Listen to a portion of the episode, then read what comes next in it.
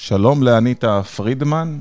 בוקר טוב. בוקר טוב, מה שלומך? אנחנו בפינה successful, ללמוד ממצליחנים, וה title שלך זה יושבת ראש ויצו העולמית? נכון. יפה, אז זה title מאוד מאוד מכובד, אנחנו מאוד מתעניינים בפינה successful תמיד ללמוד על, אה, על אנשים כמוך שהגיעו למעמד כזה, ובטוח עשית כמה דברים מוצלחים בדרך בשביל שזה יקרה. מעמד שמשפיע על הרבה מאוד נשים וילדים, ובאמת לפני שאולי נצלול, אני חושב שהרבה אנשים לא יודעים באמת מה זה ויצו. אני מודה שאני לא הכרתי את כל הפעילות של ויצו, אבל כשהזמנתי אותך לשידור, אחד הדברים הכיפים במקצוע שלי זה בעצם נכנסתי וחקרתי וראיתי מתי ויצו הוקמה ולמה היא בכלל הוקמה ומה הייתה המטרה, ושבעצם מטרות השתנו מאז קום המדינה. אבל אני בטוח שזה יישמע הרבה יותר טוב אם את תסבירי. בסדר גמור. תודה. תודה קודם כל על ההזדמנות אה, להיות פה, אני, זה מאוד מחמיא לי. אה, אז כך, כמו שאתה אומר, ויצו נוסדה ב-1920 אה, באנגליה על ידי נשים ציוניות. הן היו בעצם הנשים של ראשי הציונות. אה, הן היו נשים חזקות, הן היו סופרג'יסטיות כולם.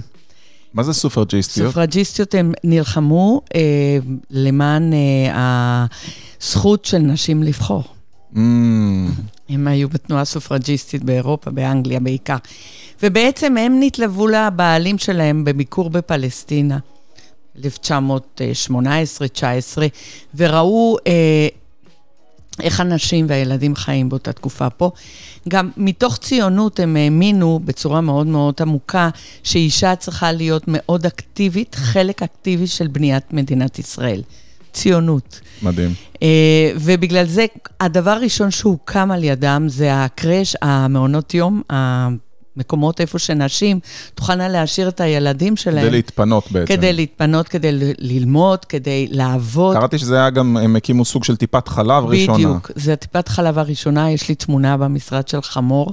שעובר עם חלב, שבמקור זה היה באמת, היה עוני אדיר פה במדינה. גם במקומות האלה לימדו נשים איך לגדל ילדים, כל מה שקשור להיגיינה, כל מה שקשור לחינוך. אז זה היה ההתחלה, אבל מהר מאוד גם הקימו אה, כפרי נוער. איפה שנשים חלוציות היו באות ללמוד איך לעבד את האדמה, ללמוד חקלאות וואו. ולהיות חלק ממש פעיל של הבנייה של המדינה. אה, לימ... קודם כל, אה, זה, זה באמת נוסד באנגליה, וב-1923-4 כבר זה נהיה תנועה עולמית ציונית. היו אה, הרבה מקומות באירופה כמובן, שהיום הם לא קיימים לצערנו, אבל זה הגיע גם לדרום אמריקה, לאוסטרליה, לכל המקומות בעולם. אז הוקם תנועה ציונית עולמית, כי הם הבינו שלבד הם לא יוכלו לעשות הרבה. עכשיו, אה, ב-1948 או 50, משהו כזה, כשהוקמה מדינת ישראל, המטה של ויצו עבר לפה, למדינת ישראל, כמובן. וכמו שאמרת, התפקיד שלנו תמיד, אנחנו יד ימין של ממשלת ישראל, כל ממשלה אנחנו עם, א-מפלגתיים. אנחנו פוליטיים כי אנחנו ציונים, אבל... למרות שקראתי שהיה איזה פעם שכמעט הייתם מעורבים. אז באמת, ב... בהקמת התנועה אה, הוקם, הוקם אה, באמת אה, מפלגה של נשים. ואחד המייסדות של ויצו, רחל קגן, היא הייתה אחת החותמות של הצהרת עצמאות. אבל מהר מאוד הבנו שזה לא, ה... זה לא, ה... זה לא הכיוון. זה לא הכיוון. ובעצם לקחנו על עצמנו כל מה שמדינת ישראל באותו רגע לא יכל לקחת על עצמו. והכל זה התנדבות ותרומות. הכל התנדבות ותרומות. התנועה, כולנו מתנדבות. אה, אנחנו פועלות על, לא רק על ידי תרומות. היום אה, גם הממשלה תמיד תמכה. אני אתן לך דוגמה, אם ילד הולך לאחד הכפרי נוער שלנו, הוא ילד שהוא מתחת משרד החינוך. אם ילד נמצא אה, באיזשהו מרכז אה, נגד אלימות, או זה הכל במשרד הרווחה, יש לנו ממשקים עם אה, מלא. בגלל זה אני אומרת שאנחנו יד ימים של ממשלת ישראל. מדהים. וכמו שאתה אומר, במשך השנים גם שינינו את הייעוד שלנו, לפי הצורך של החברה. אז אם בשנות ה-50 אה, היינו מאוד חזקות בעלייה ובקליטה, היום כבר לא. כבר אין צורך. יש גם, במשך השנים, קמו מוסדות ממשלתיים אתם שלקחו... כאילו סוג של טיפת חלב לממשלה. אתם כל פעם עוזרים לה בדיוק, לקלוט משהו, בדיוק. ואז נותנים לה, היא זה עושה את זה טוב, ועוברים לדבר הבא. בדיוק, בדיוק. יש לנו כמה דוגמאות כאלה, אבל בעצם ויצו, יש לה שלושה עמודי טבח. האחד זה גיל הרך, שזה 183 מעונות יום בכל רחבי הארץ. השני זה חינוך, שזה כפרי נוער, יש לנו חמישה כפרי נוער ושני בתי ספר, שכמובן בכפרי נוער האלה יש אה, ילדי פנימייה, ילדי חוץ. אה, זה מקומות מאוד מאוד מאוד מיוחדים, מקומות שעדיין לומדים חקלאות בהם. וה... קראתי שעיינות ועוד כמה... עיינות עיינות עזרתם זה- להקים לדעתי. עיינות, אנחנו ביחד עם נעמת Mm. הקמנו. אבל הכפרי נוער שלנו, שמאוד מוכרים, זה נהלל, ויצו נהלל, ויצו הדסים, ויצו ניר העמק, אה, כפר נוער אה, ויצו נחלת וויצו אה, גן ונוף. אז אחרי השידור אני אדבר איתך על פעילות שיש לי. אני הקמתי פעילות שנקראת רייסר מניעים חיוכים, ואני מגיע, אני חובב מכוניות ספורט, אני נהג מרוצים, וואלה. וגם, כן, ביום-יום נוהג עם רכב ספורט, וכל חבריי, הקמתי פעילות, אני לא ארחיב על זה עכשיו, כי זה לא, השידור הוא לא עליי, אז זה נקרא רייסר מניעים חיוכים, ואנחנו בכל חודש עד תקופת הקורונה, במשך ארבע שנים, היינו מגיעים לכפר נוער או פנימיה, ועושים להם אוטו-מוטור כזה, הם מביאים להם פורשים ופרארים, מדהים. ומכוניות מרוץ, ושמים להם, והם יכולים לשבת במכוניות ולהצטלם, ומביאים להם צלם מגנטים, עושים להם פעילויות. אני חושב שאולי בהדסים היינו, אבל בשאר לא, ואני אשמח מאוד אה, אה, לתאם עם השאר. זה נהדר, ושתדע שכפר נוער ניר העמק, יש לנו מגמה מכונאות. אוי, רכב. וואו, אז הם בכלל וזה ישמחו. מה זה מתלבש בול. אז אה, כן, זה מדהים. ועכשיו באמת שיפצנו את זה, תודה לתרומה נח- מאוד גדולה מארצות הברית. אז אה, בהחלט נוכל לעשות את הקישור הזה. אז זה העמוד טבח השני, ועמוד טבח השלישי זה מעמד האישה, וכל מה שקשור לנשים אה, בסיכון, והעצמת נשים. שמה עושים בעצם בפעילות של בעצם, העצמת נשים? בפעילות הזאת יש לנו כמה מיזמים. קודם כל, יש לנו שני מקלטים לנשים אה, מוכות וילדים שלהם, ואנחנו השנה בעצם, בשיתוף אה, שלם עם אה, משרד הרווחה, הקמנו מקלט חירום. צו השעה. אני חייב לשאול אותך משהו. האמת שזה משהו שאימא שלי, אימא שלי היא מישהי שתורמת המון לויצה ועושה המון לפנימיות, וממנה קיבלתי את הרוח התנדבות. ואימא שלי שאלה משהו הכי פשוט. היא אומרת לי, למה את הנשים שמים במקלטים במקום את הבעלים המכים? אתה צודק במאה אחוז, ואנחנו משנים, מנסים, וזה עוד חלק מהעבודה שלנו, לקדם חוקים בכנסת ולעשות לובינג ו- ולנסות, באמת... היא אומרת לי, זה ב- הכי אבסורד בעולם, הוא מכה והן צריכות להסתתר ולוותר על החיים שלהם. לגמרי. היום אה, הוא עבר, אה, עוד לא הוא עבר, אבל הביאו לכנסת את חוק האזיקים. שבאמת הוא תקוע כי צריך שיתוף פעולה של זה כל אזיק מיני גורמים. אלקטרוני שאפשר לשלוט אזיקים על ה- אלקטרוניים לשלוט בגברים. אתמול הוא עבר בכנסת חוק האפוטרופוסים, קריאה שלישית. אה, אנחנו מנסות לקדם חוקים ול... יש לנו ראייה הוליסטית על כל העניין הזה. ואנחנו לא רק מטפלים בנשים, יש לנו מרכזי חירום, מרכזי אה, למניעת אלימות המשפחה, שלשם מגיעים משפחות עוד לפני שמגיעים למצב של אלימות. יש לנו גם משהו מאוד ייחודי לויצו ולעולם בכלל, שזה קו חירום לגברים אלימים. שהם יכולים לבוא, להתוודות אלימים ולבקש עזרה? מתקשרים, יש לנו אה, מתנדבים גברים שעוברים אה, אה, הדרכה על איך לטפל בשיחות האלה, ובעצם מה שאנחנו מנסים זה לשכנע אותם לבוא לטיפול. אה, תראי, עצם זה שהם הסכימו להתקשר בכלל למוקד כל, כזה, זה בדיוק, כבר אז- אה, התקדמות. בדיוק, זה יש, אתה רואה שיש כבר מודעות בעניין. בכלל, כל הקורונה הזה העלתה את ה, העלה את המודעות לכל הנושא הזה בצורה מאוד חריפה. כי כמו שאתה מבין, אה, נשים וילדים שנמצאים 24-7 עם ה... עם ה... זה הקצין את המצבים לטובה. או לרעה. היה אצלי, היה אצלי אתמול מישהו שאומר, אה, הוא היה חולה 563, הוא אומר, תשמע, הקורונה עשתה לנו הכי טוב, הייתי בבידוד חודשיים וחצי, למדתי לאהוב מחדש את אשתי, להתחבר לילדים שלי, היינו כל יום עושים על האש, היינו עושים מסיבות, היינו עושים משחקים, כל יום היינו רק אנחנו, והמשפחה, מה זה התאחדה? לא צריך טיול קרוונים בחו"ל, היה לנו קורונה. אז זה, זה מקרה ממש משמח, אבל לצערי, אנחנו ראינו העלאה של איזה 300 אחוז במקרי האלימות. אה, משפחות שכמובן ידענו מהם, או המשטרה ידעה מהם, וכל משרד הרווחה, זה העצים את זה, אבל גם משפחות חדשות נכנסו למעגל האלימות. לצערנו. וכשאני זה מדברת זה על... זה סיר לחץ זה כזה. סיר לחץ נוראי. וכשאני מדברת על זה שוויצו מסתכלת על כל הבעייתיות בצורה הוליסטית, אנחנו גם מנסים למצוא פתרונות מכל הכיוונים. ולדעתנו, אה, אחד הדברים הכי חשובים לפתור את כל הבעיה הזאת, מעבר לערנות ול... זה חינוך. זה מתחיל מחינוך. ואנחנו פיתחנו תוכניות רבות אה, שאנחנו מנסות אה, להעביר בכל מיני בתי ספר. אפילו בצבא אנחנו מנסים, למשל, אני אתן לך דוגמה, יש לנו תוכנית שנקראת שלי ורק שלי, שמנסה ללמד בני, אה, ילדים צעירים מה זה זוגיות בריאה. במה להסתכל, מה הסממנים של אה, אלימות, של מעגלי אלימות, איך אתה יכול באמת אה, לזהות את זה.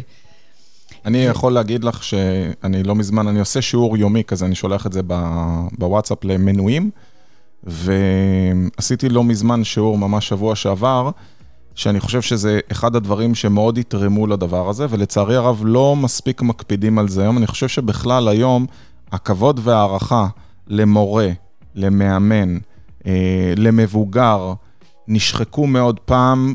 ילדים לא היו מעזים לדבר להורים כמו שמדברים אליהם היום. אה, פעם לא היית מעז לדבר למורה כמו שאתה מדבר אליו היום, ואני טוען שהבעיה היא בהורים. ברור. פעם הורה לא היה מעז להתקשר למורה בבית ספר, בטח לא אחרי שעת הלימודים ולנזוף בו, הוא לא היה מרשה לעצמו להתקשר למפקד בצבא ולהגיד לו למה השארת את הבן שלי שבת.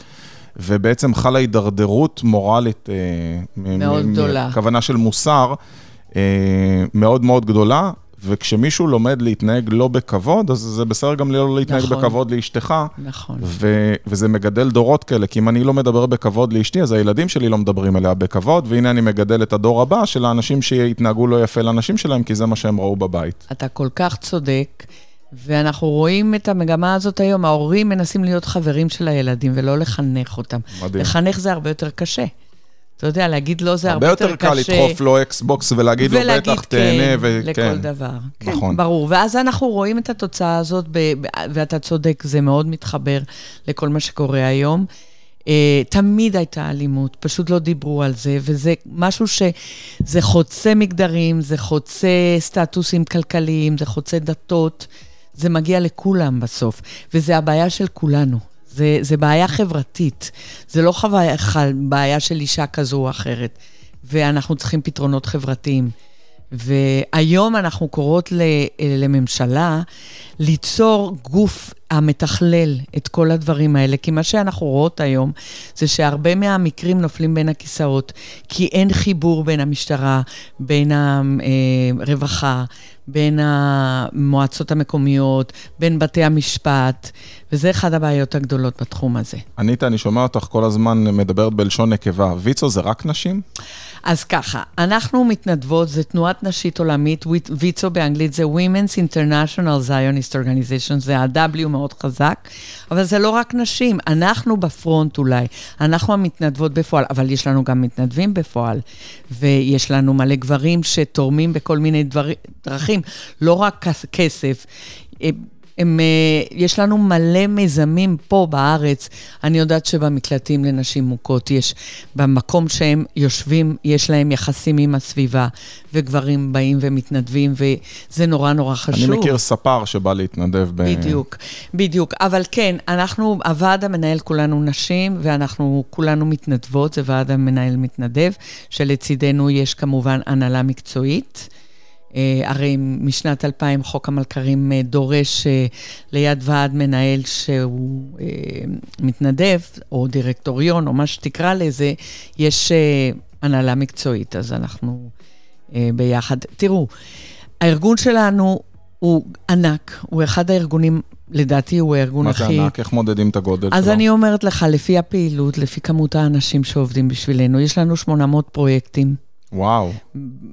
שזורים בכל הארץ. אני אמרתי לך את שלושת עמודי הטבח, וכל אחד מהם בתוכו יש... כל אה, אחד זה פרויקט בפני בדיוק, עצמו מטורף. בדיוק. כל כפר נוער שאתה לוקח, יש כפרי נוער שהם מלכ"ר בעצמם. ולנו, יש לנו מעל 6,000 עובדים בארגון. וואו. אנחנו פועלים עם תקציב אה, מעל 800 מיליון שקל, אנחנו ארגון גדול, משפיע, משנה חיים. אז אני רוצה לשאול אותך, אניטה, איך הגעת למה שאת עושה היום? ואני הייתי רוצה להתחיל, את יודעת, אנחנו מסמנים את זה, דיברנו קודם על ילדים, שאתה מעצב את הדמות של הילד כדי להיות המבוגר שאתה רוצה שהוא יהיה. ואני יכול להגיד לך שאני ממש חרד בנוגע לעתיד של כולנו, אם אלה הילדים שהולכים לנהל את המדינה עוד 20 שנה. הייתי שמח לשמוע מי הייתה אניטה ואיך היא הגיעה למה שהיא הגיעה היום. טוב, אז נתחיל מההתחלה. אני ילידת אה, קולומביה, בוגוטה. אה, גדלתי בקהילה קטנה, אבל מאוד ציונית. ההורים שלי היו מאוד פעילים בקהילה. אבא שלי היה אה, ראש קהילה, הוא היה אחד המייסדים של הבית ספר, של הבית כנסת. אימא שלי אה, הגיעה מרומניה דרך ישראל לקולומביה. וואו, כן, והיא... חתיכת עיקוף. כן, כן, והיא לא התכוונה להישאר בקולומביה, אבל הגיעה עם ההורים שלה בגיל 16, התאהבה באבא שלי ונשארה. אבל הסבא וסבתא שלי חזרו לארץ אחרי זמן מה, אז אני גדלתי כל החיים עם משפחה פה בארץ, משפחה קרובה. Uh, כמובן שהזיקה שלי לישראל, ינקתי את זה מהבית. וגם הפעילות, גם אבא שלי וגם אימא שלי. אימא שלי הייתה הראשונה שהביאה uh, מקלט לנשים מוכות לקולומביה. היא יסדה מקלט לנשים מוכות, היא באה? לארץ. זה היה בשנת uh, 90 אולי. וזה אני- פעם היא- ראשונה שהיה בקולומביה... כן, כן, זו מדינה שיש לה. צרכים אה, הרבה הרבה יותר אה, בסיסיים. עוד לפני זה אנשים אין להם מה לאכול. אה, היא באה לארץ ללמוד מוויצו דווקא על התנהלות אה, ואיך אה, ניהול... אה. אז אני גדלתי בבית מאוד ציוני. אני ביקרתי בארץ הרבה עוד לפני שעליתי. היה לי ברור שאני, המקום שלי הוא פה ושאני רוצה לגדול פה. זה המקום שהרגשתי שייכות אליו. ועליתי בגיל 17, הגעתי לאולפן עקיבא האגדי, שהוא כבר לא קיים היום לצערי, למדתי עברית מהר מאוד שמה, וישר נכנסתי למכינה באוניברסיטה העברית בירושלים. חייתי פה 13 שנה, התחתנתי עם בעלי, אה, הבאתי שניים מילדיי, ואז בגלל העבודה של בעלי, אה, הוא הקים חברת תוכנה, ש... מכר את התוכנה הראשונה לחברה מאוד גדולה בארצות הברית, והם דרשו להקים שם אה, חברת מטה. בת או מטה או זה. אז נסענו, אמרתי לבעלי, הילדים היו קטנים, אמרתי לו, יאללה, בוא ניסע לשנתיים ונחזור. ואז it happens, אני, אנחנו החלטנו להתיישב במיאמי. למה מיאמי? כי אני דרום אמריקאית, במשך השנים כל היהודים אה, בדרום אמריקה, וביניהם גם ההורים שלי, היה להם אה, פיידתר, מין מקום מגורים במיאמי. אז היה יותר קל, שני ילדים קטנים, גם המזג אוויר, גם היה יותר זול, אנחנו הגענו בלי הרבה משאבים, וישבנו במיאמי. ובמקום שנתיים, בסוף חיינו שם 25 שנה. וואו. ואני, עם החיבור שלי רע לארץ, חיפשתי דרך אה, להתנדב לחזור. ולחזור ו- ולתרום אה, בחלק הציוני. ונכנסתי לצ'פטר של ויצו המקומי, דרך חברות. זה גם משהו שהכרתי מהבית. אימא שלי הייתה חברה בוויצו, סבתא שלי הייתה חברה בוויצו. זה, זה גם מהארץ הכרתי את המעונות יום, הכרתי פעילות מאוד מוגבלת, מה שרוב האנשים מכירים. אה, ונכנסתי, והתחלתי בתור אה, מזכירה רושמת של איזה צ'פטר שמה, ולאט לאט אה, מילאתי כל מיני תפקידים עד שנהייתי יושבת ראש של ויצו בפלורידה, שזה, בארצות הברית יש פלורידה וניו יורק בלוס אנג'לס. פלורידה וניו יורק היו מאוד חזקים, ואחרי זה הייתי סגנית אה, נשיאה, ויצו בארצות הברית. אני רוצה רגע לשאול אותך משהו. את מתארת התקדמות שהתחלת בתור אה, איזה מזכירה, ומהר מאוד את אומרת, "אה, הפכתי להיות נשיאה של זה, ועכשיו עליתי לזה ועליתי לזה. מה עשית את שונה מאחרים שקידם אותך ככה? אני לא יודעת uh, לענות לך. Uh, זה גם אופי חלק מזה, זה גם עניין. אני, אני יורדת לעובי הקורה בכל דבר שאני עושה, מתעניינת, שואלת. אני למדתי באוניברסיטה אנתרופולוגיה וסוציולוגיה וארכיאולוגיה, וחלק גדול ממני זה אנתרופולוגיה. אני מאוד אוהבת לחקור ולשמוע, לשמוע סיפורי אנשים, לשמוע איך הדברים, היסטוריה, מה קרה. כנראה שזה משהו שנתן לי קצת יותר ידע ויכול, ו- ו- ומיומנות. ואנשים אחרים זיהו בי את היכולת הזאת, אני חייבת להגיד. וקידמו אותי, וזה מה שיפה גם בוויצו, שאפילו בתוך הארגון מקדמים נשים ומקדמים... אה, לי היה תמיד נורא חשוב והיה תמיד ברור שאם נשים לא נמצאות במרכז קבלת החלטות, הדברים לא השתנו בעולם. ואנחנו נשים רואות את הדברים בצורה שורה, שונה. אתה יכול לראות את זה בתקופת הקורונה. המדינות שהכי הצליחו לנהל, זה מדינות שמנוהלות על ידי נשים, ואנחנו... איך את מסבירה את זה? דרך החשיבה שלנו היא שונה מאשר גברים. אנחנו לא יותר טובים או פחות טובים, פשוט אנחנו שונות ורואות את העולם בצורה שונה. Uh, היכולות שלנו, בגלל האבולוציה שלנו, לראות את הדברים בצורה הרבה יותר רחבה והוליסטית ו- ו- ו- ופחות קומפטיטיבית אולי, אני לא יודעת, יותר שיתופי פעולה. זה לדעתי חלק מההצלחה של אנשים. נשים מוכנות לשמוע הרבה יותר, ו- ופחות ב- ב- ב- בלוחמה, אלא יותר בהסכמות להגיע לדברים. אבל אני רואה הרבה תחרותיות בין נשים, לא משנה מה, אם זה בוועד בית ספר, מי עושה יותר יש טוב. יש תחרותיות. אם זה ב... אפילו ב... לא משנה, כשמכינות קינוח, אז תמיד יש ריב מי עשתה, מי... העוגה נגמרה ראשונה. יש תחרות ויש ריב. זה שני הבנתי, דברים שונים. אוקיי, את אומרת, אוקיי? תחרותיות קיימת תחרות תמיד. תחרות זה דבר באמת אה, בריא, כי זה גורם לך להיות יותר טוב כל תראי, הזמן. תראי, אני כן מתחבר למה שאת אומרת, כי תקופה ארוכה שביחס אה, לשאר העסקים, אני, רוב הצוות שלי זה נשים. יותר קל לי לעבוד עם נשים, הן גם יועצות יותר טובות, אה, אולי יותר מכילות, יותר מקשיבות, פחות אה, מחליטות. אה, יש לזה הרבה מאוד השלכות, וגם הרבה מהמנהלות שלי במהלך תקופות השנים, אני כבר 20 שנה בייעוץ, הם היו נשים. ואני מסתדר, אני גם עם אותה אישה 18 שנה. אבל כן. אני יכול להגיד לך שכן אני מזדהה עם נקודה שאת אומרת, שמה ששמתי לב שלאשתי יש תכונה שלי יש פחות, חשבתי שזה לא בגלל שזה אני, לאו דווקא כי אני גבר. היא תמיד רואה את הדברים הרבה יותר טוב גם מנקודת המבט של הצד השני, ומה שמסוגלת לשים אותה בצד אמפתיה. שלו. אמפתיה. כן. כן. כן, אנחנו, אני חושבת שיש יכולות קצת שונות מגברים, וכשאנחנו מביאות את זה לשולחן בצורה בריאה, אז אנחנו יכולות להשיג המון המון דברים. ובגלל זה כל כך חשוב כל הנושא הזה של קידום נשים, וכל הנושא הזה של אה, סגירת פער, גם בשכר, גם ב... בהזדמנויות, אה, לשבור את תקרת הזכוכית. איך היית מציעה לאישה להתקדם שונה בארגון? זאת אומרת, היית אומרת, בגלל שאת אישה צריכה לעשות משהו שונה? או... אני, אני קטונתי, אני באמת לא יודעת, וזה גם כל, זה מאוד תלוי לדעתי גם בתרבות הארגונית. של המקום. אה, אתה לא יכול לעשות הכללות. אה, זה, זה באמת... זה תכונות אופי, שבעצם... זה תכונות אופי, ולא, ויש גם את ההזדמנויות. כן, נשים, למדנו קצת להיות יותר אסרטיביות ממה שהיינו פעם. Uh, פעם uh, השלמנו, גם חלק גדול מאוד מההצלחה של נשים, וזה מחבר אותי לויצו ישר. אחת מהסיבות שאני כל כך התחברתי לארגון הזה, זה למשל כל ה... כל המערך שלנו של מעונות יום, אני רואה בזה משהו כל כך בסיסי ל, ל, ל, לתת לנשים את האפשרות להתקדם בחיים שלהם, גם בלימודים, גם בעבודה, גם בכל כל מה שלא יהיה.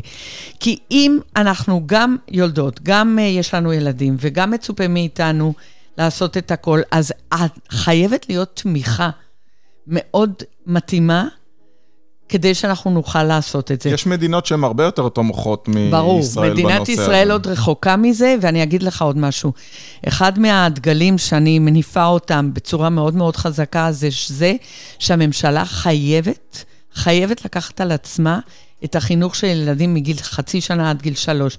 ילדים לא נולדים בגיל שלוש, ילדים לא שקופים מגיל חצי שנה עד גיל שלוש. אנחנו, הארגונים החברתיים, לקחנו את זה על עצמנו. וגם חלק גדול מהנטל יושב עלינו. אנחנו כל הזמן נלחמים מול הממשלה כדי אה, לעדכן את הסל שמגיע למטפלות, לעדכן את התנאים של המטפלות. זה גם הצד השני של המטבע הזה של העצמת נשים. כי יש לך פה מהלך עם 3,500 נשים שעובדות, שאתה חייב גם לתת להן משכורת נכונה, גם אה, ל, אה, לתת להן הדרכה. וגם אה, לקדם אותם בצורה נאותה. אני חושב אפשר לראות שהכל אפשרי, עובדה שמה שקרה עכשיו עם הקורונה והחל"ת, שאנשים בבית ויודעים פתאום לדאוג להם, ולעומת זאת תראי כמה שנים נשים נלחמות על חופשת אה, לידה. נכון, נכון. אז זה מערך שצריך להיות uh, ביחד עם הממשלה. הארגונים החברתיים לבד אנחנו לא יכולים. ואנחנו נותנים שירותים, אבל... יש פה איזה ניגוד אינטרסים, המדינה לא רוצה לתמוך כי היא מממנת את ברור. זה. ברור. אז איך את אומרת שזה יחד עם הממשלה? זה יותר נגד הם, הממשלה? הם אה... צריכים לתמוך בזה, אנחנו יכולים להפעיל את זה, אבל הם, הם חייבים אה, לתת את הדעת ולתקצב ולקדם את הדברים כמו שצריך. לא לשים כל הזמן פלסטרים על הבעיה. יש לנו מלא דוגמאות בעולם המערבי. טוב, הישראלים אנחנו אלופים באלתורים ובפלסטרים. ממש, ממש, ו... כן, כן, אבל זה לא יכול להימשך ככה. לא אם אנחנו רוצים להתקדם, ותשמע, נשים אנחנו 51% מהאוכלוסייה. אם אתה לא מנצל את המשאב הזה, והמשאב הזה, אנחנו הוכחנו שהוא מדהים. Uh, עכשיו התחילו באמת uh, להיכנס uh, בנות uh, לכל מיני uh, יחידות מובחרות בצבא. חלק מזה זה באמת עבודה מאחורי הקלעים של כל הארגונים של שדולת נשים, ארגונים uh, חברתיים נשים, כל הדברים האלה. זה הכל חייב uh, להיות ביחד. שאלה לי אלייך, איזה... את קוראת ספרים? ברור. איזה ספר מבחינתך הוא כזה ב top three, שאת יכולה להגיד, אוקיי, זה ה... זה קשה לי מאוד להחליט, כי אני, אני קוראת המון, הרבה דווקא שנים. דווקא בגלל זה, את ו... יודעת שאומרים, יש משפט, אה, אני חושב שזה של אה, ביל גייטס, אבל אני לא בטוח, שהוא אומר שלאנשים אה, עניים יש טלוויזיה גדולה ולאנשים עשירים יש ספרייה גדולה. נכון, נכון. צודק. תראה, יש הרבה דברים, יש הרבה ספרים שהשאירו בי חותם. אני דרום אמריקאית, אני מאוד אוהבת ומתחברת לספרות הדרום-אמריקאית. אני מקולומביה, גבריאל גרסיה מרקס בשבילי, הוא אחד הסופרים הגדולים והדגולים ב, בעידן שלנו. מה אני, הוא כותב? מאה שנים, מאה שנות בדידות, מאה שנים של בדידות. זה ספר ש... אני קראתי אותו שלוש-ארבע פעמים בחיים שלי, כי הוא ספר מאוד גדול ומאוד מסובך. ויש בו הכל. זה למשל, אבל אני קוראת לנשמה. אני מאוד נהנית מהשפה. למשל, אחד הסופרים שאני הכי אוהבת בעברית, ואני דווקא לא קוראת אותם בעברית, אני קוראת אותם מתורגמים. זה א' ב' יהושע, מאה שנות... Uh, uh, uh, Journey to the end of the millennium, קוראים לזה, זה... זה uh, נסיעה לסוף המאה, אני לא יודעת איך השם בעברית, אבל זה אחד הספרים הכי טובים שקראתי בחיים וואו. שלי. למשל, א', ב', יהושע, כל הסוף... באיזה הרבה... תדירות את קוראת? תראה, אני חייבת להודות שפעם הייתי קוראת הרבה יותר. יש לנו בעיה שיש לנו יותר מדי קונטנט.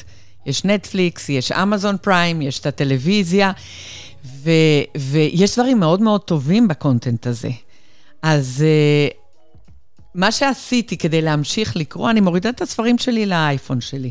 וכל פעם שאני יושבת באיזשהו משרד ומחכה, כל פעם שאני יושבת אצל רופא, אני קוראת.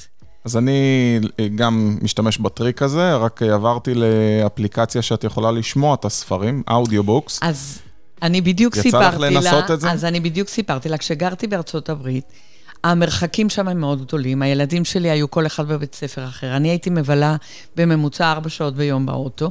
אז גם הייתי מקשיבה הרבה לפודקאסטים, זה היה ממש ה-go-to שלי, ולספרים באודיו.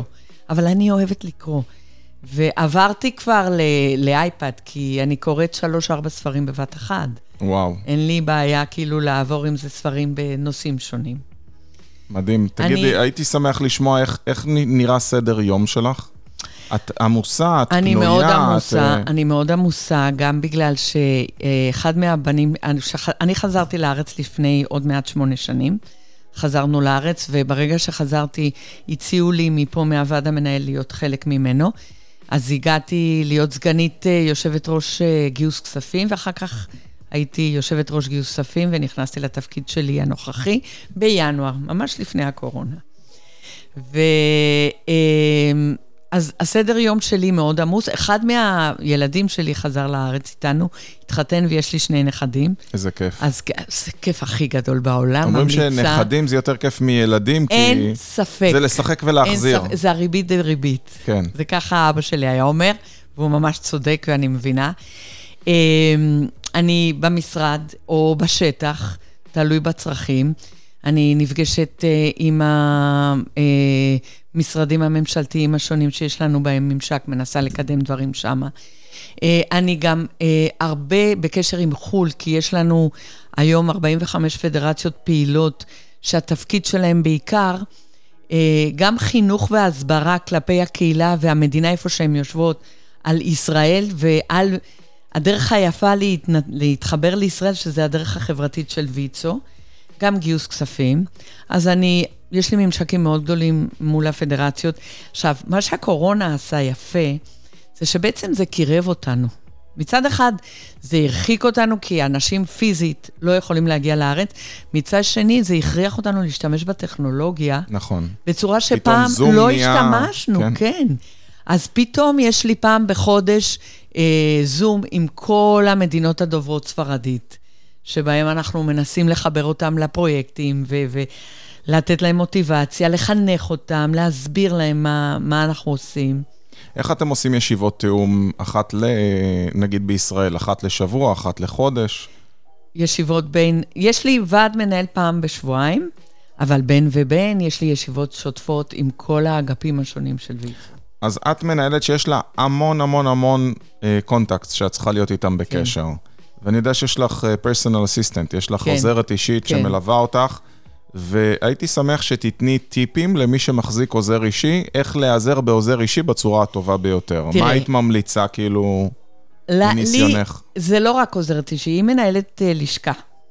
היא מנהלת לשכה, uh, יש, נדרש הרבה הרבה ממנה.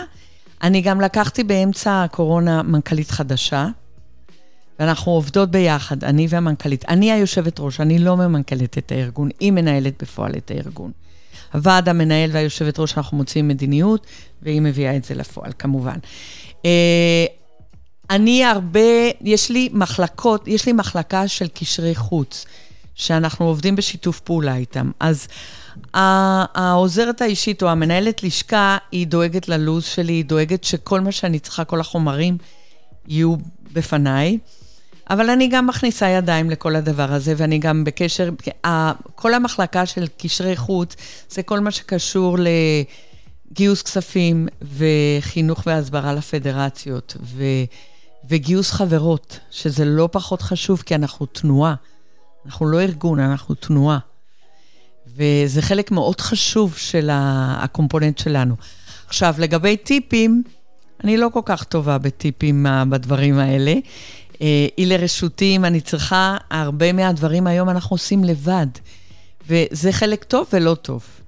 לא טוב, כי זה לוקח הרבה יותר מהזמן שלנו. כבר הגבולות הזמן שהיו פעם, כבר לא קיימים. אין גבולות זמן. אין גבולות זמן. אתה אמור להיות זמין... אני מקבל הודעות וואטסאפ בשלוש ב- לפנות בוקר. בדיוק. ו... לי יש אה, פדרציה באוסטרליה, יש לי פדרציה ב- ב- בארגנטינה, וזה... וזה טיים זון ש... שונה. זה לגמרי שונה. כשאני מנסה עכשיו לעשות אה, אה, משהו סטטוטורי שאני חייבת לעשות בינואר, מול אוסטרליה ומול ארגנטינה, אני חייבת למצוא את השעה.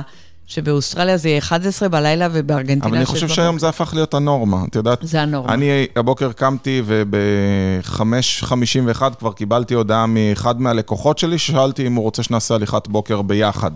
נכון. כאילו זה, אין, אין שיקול, פעם היה שיקול, אני לא אתקשר לפני שמונה, היום אני חושב ש... היום אין, ואני חושבת שזה לא טוב. אני חושבת שזה לא טוב, אני חושבת שכן צריך זמן פנוי. כי יש אנשים שיודעים לנהל את הזמן, ויש אנשים שפחות יודעים לנהל את הזמן. נראה לי שהיום אין ברירה אלא ללמד את כולם לנהל את הזמן. לנהל את הזמן, זה בדיוק העניין. אפרופו מקצועות שצריך להוסיף לבית ספר, הייתה לי שיחה על זה עם אה, רונית תירוש, לשעבר מנכ"לית משרד החינוך, אז דיברנו על כל מיני מקצועות, אז הנה אני מוסיף לבקט ליסט שלי עוד אחד, שזה... ניהול לדע... זמן. ניהול זמן, כן, כי אחרת אתה באמת הולך לאיבוד, בטח שאתה יכול... אה, את יודעת, יש את הכל, הזכרת נטפליקס או אמזון פריים או זה, אני קורא לזה סוג של אסקפיזם, שאתה לגמרי. בורח. ואתה יכול פשוט להישאב לתוך טיק טוק ולמצוא את עצמך שעה אחר נכון. כך. נכון. ואני חושב שאנשים לא יודעים ומתפתים לא לנהל את הזמן שלהם. וגם תעדוף וגם ניהול זמן. נכון.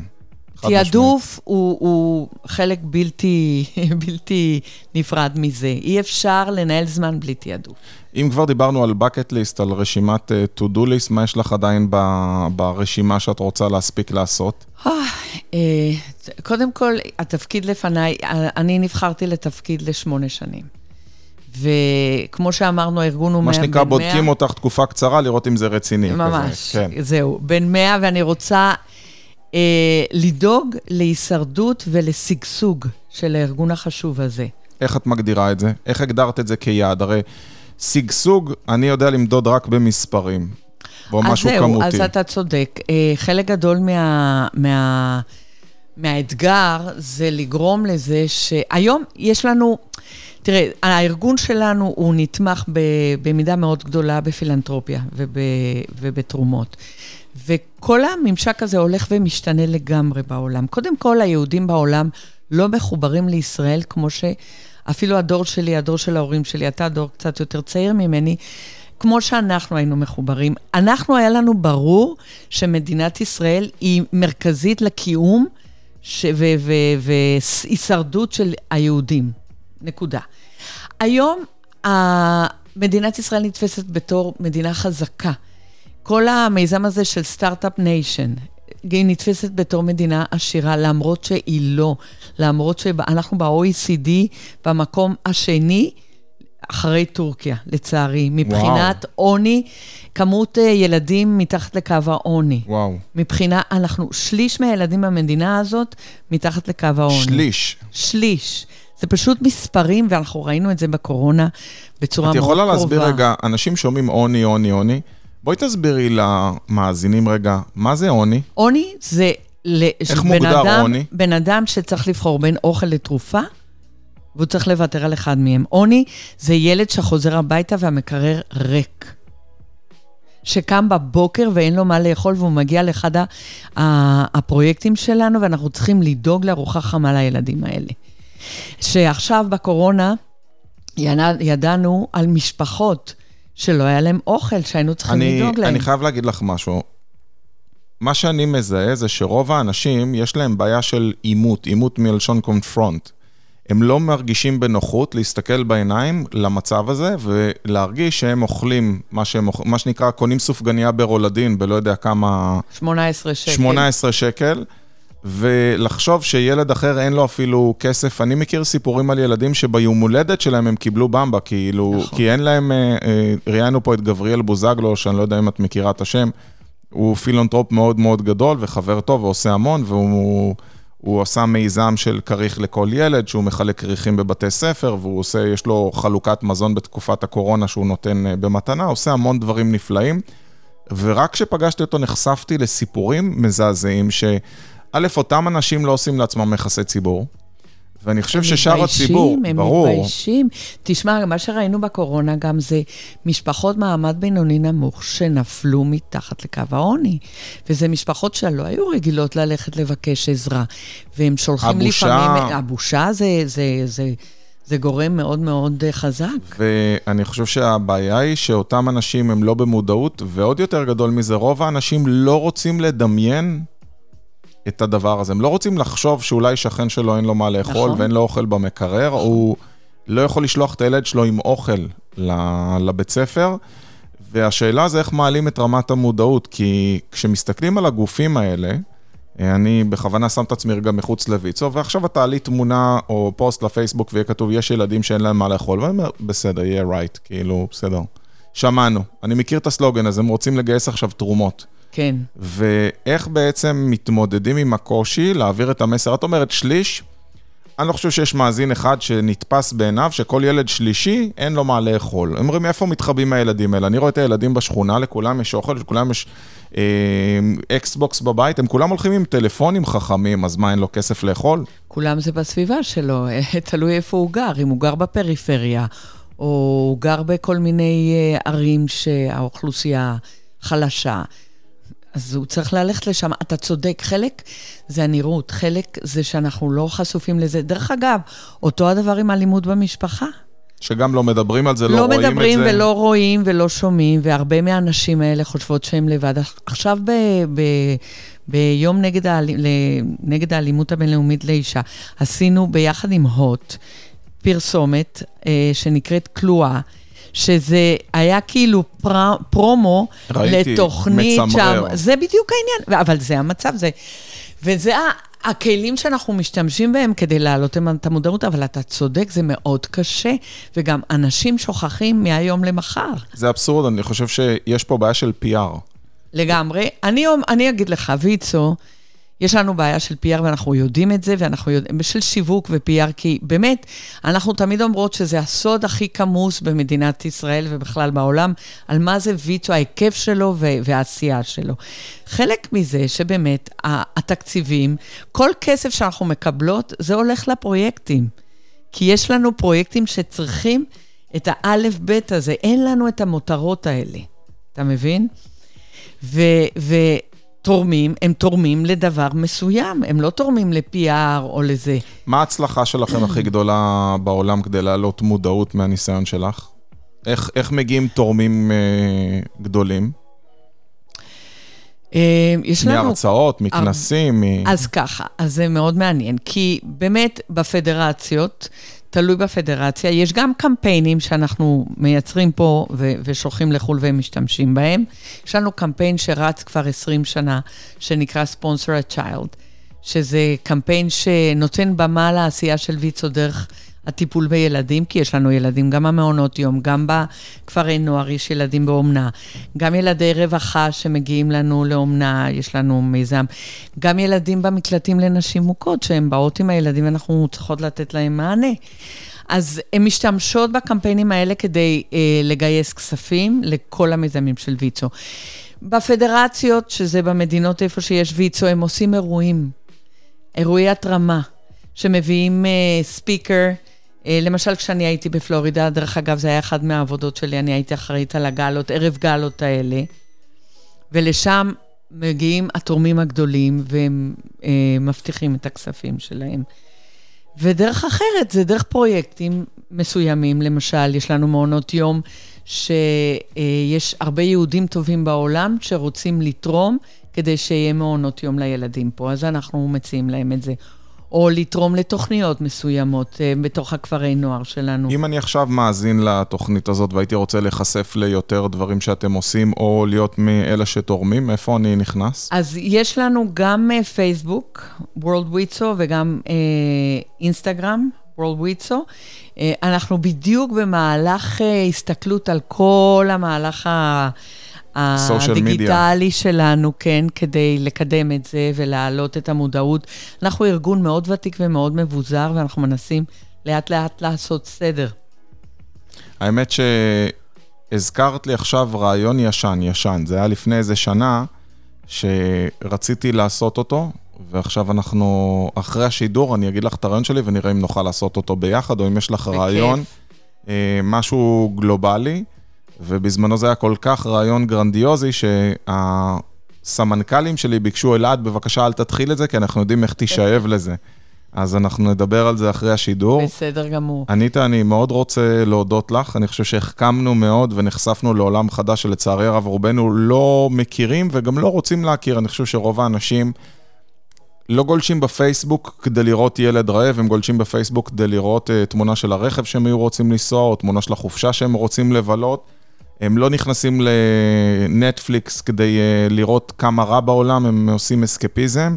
נכון. ואני חושב שאנחנו צריכים לראות איך להביא את המציאות uh, לדלתם, שיכירו ויעזרו כל אחד במה שהוא יכול. אז... Uh... תודה רבה על ההזדמנות, ואני מצפה בכליון רב לשותפות שלנו, כי אנחנו, זה, זה גם חלק מהחוזק שלנו, אנחנו יוצרים שותפויות מסביב אלינו, וזה הווין ווין. אז בכיף, אז אנחנו, איך אומרים, נגלוש לנו לכוס קפה אחד על אחד, ואנחנו מודים לכם שהתארחתם בסקסספול, מוזמנים להאזין לשידורים הבאים, ואנחנו נתראה בפעם הבאה. ביי ביי.